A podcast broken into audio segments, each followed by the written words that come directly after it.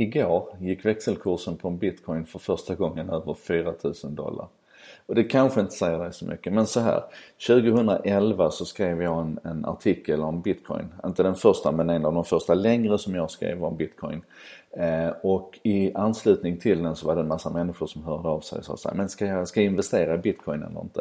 Och jag sa att ja men okej okay, om du har 1000 kronor över som du vem har tusen kronor över? Men om du har tusen kronor som du känner att du kan avvara och investera i ett lärande och i en potentiellt spännande utveckling så investera dem i bitcoin.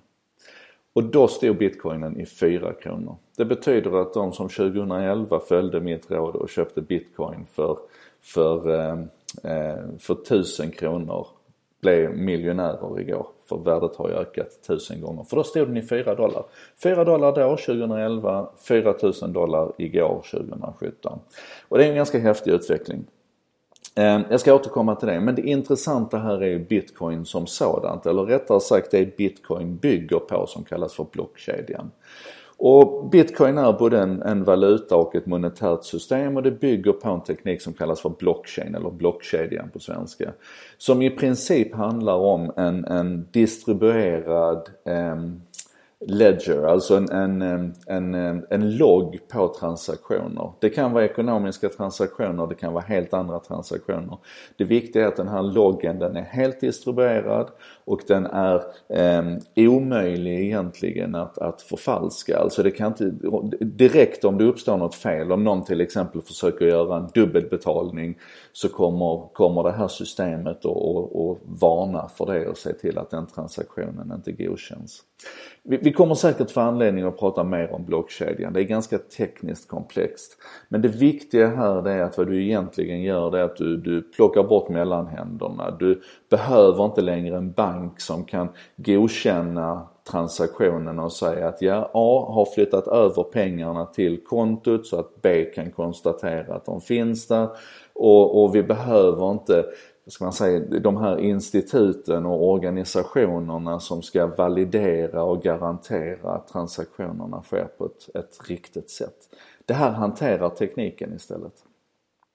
Och det här skapar ju förutsättningar för eh, helt andra sorters transaktioner. De, de blir billigare, de, kostnaden för själva transaktionen sjunker ner till närmast noll och det finns en massa sådana här intressanta aspekter av den här ekonomin Eh, av det här monetära systemet. Och, och, blockchain, eller förlåt, bitcoin är ju bara en av, av kryptovalutorna som finns nu.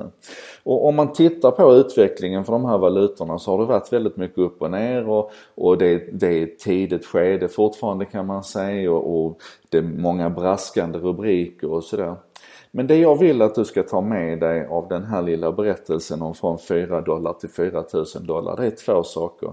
Det ena det är att när man är lite nyfiken på en teknik och en utveckling som sker så finns det ett stort värde i att man försöker få lite skin in the game. Alltså att du investerar någonting i det. Det kan vara att du investerar fem minuter och lyssnar på vad jag pratar om här. Eller det kan vara att du investerar 100 kronor eller 1000 kronor i en, en kryptovaluta eller att du investerar i en, en drönare för att du är nyfiken på var den utvecklingen är på väg. Eller att du investerar en helg i att hyra en, en, en Volvo med lite självkörande kapacitet för att du vill känna hur funkar det Alltså, skin in the game, att du investerar lite grann av dig själv på något sätt i den här tekniken. För att det blir så mycket lättare för dig att förstå den och den känns så mycket viktigare och mer relevant. Då.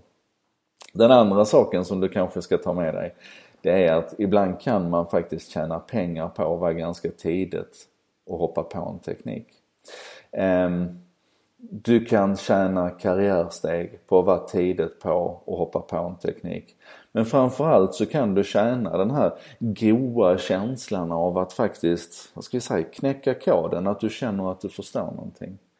Och jag kan garantera att de som läste min artikel 2011 hörde av sig till mig och vi hade en diskussion och de idag faktiskt kan, kan betrakta sig som miljonärer om de väljer att sälja sina, sina bitcoins.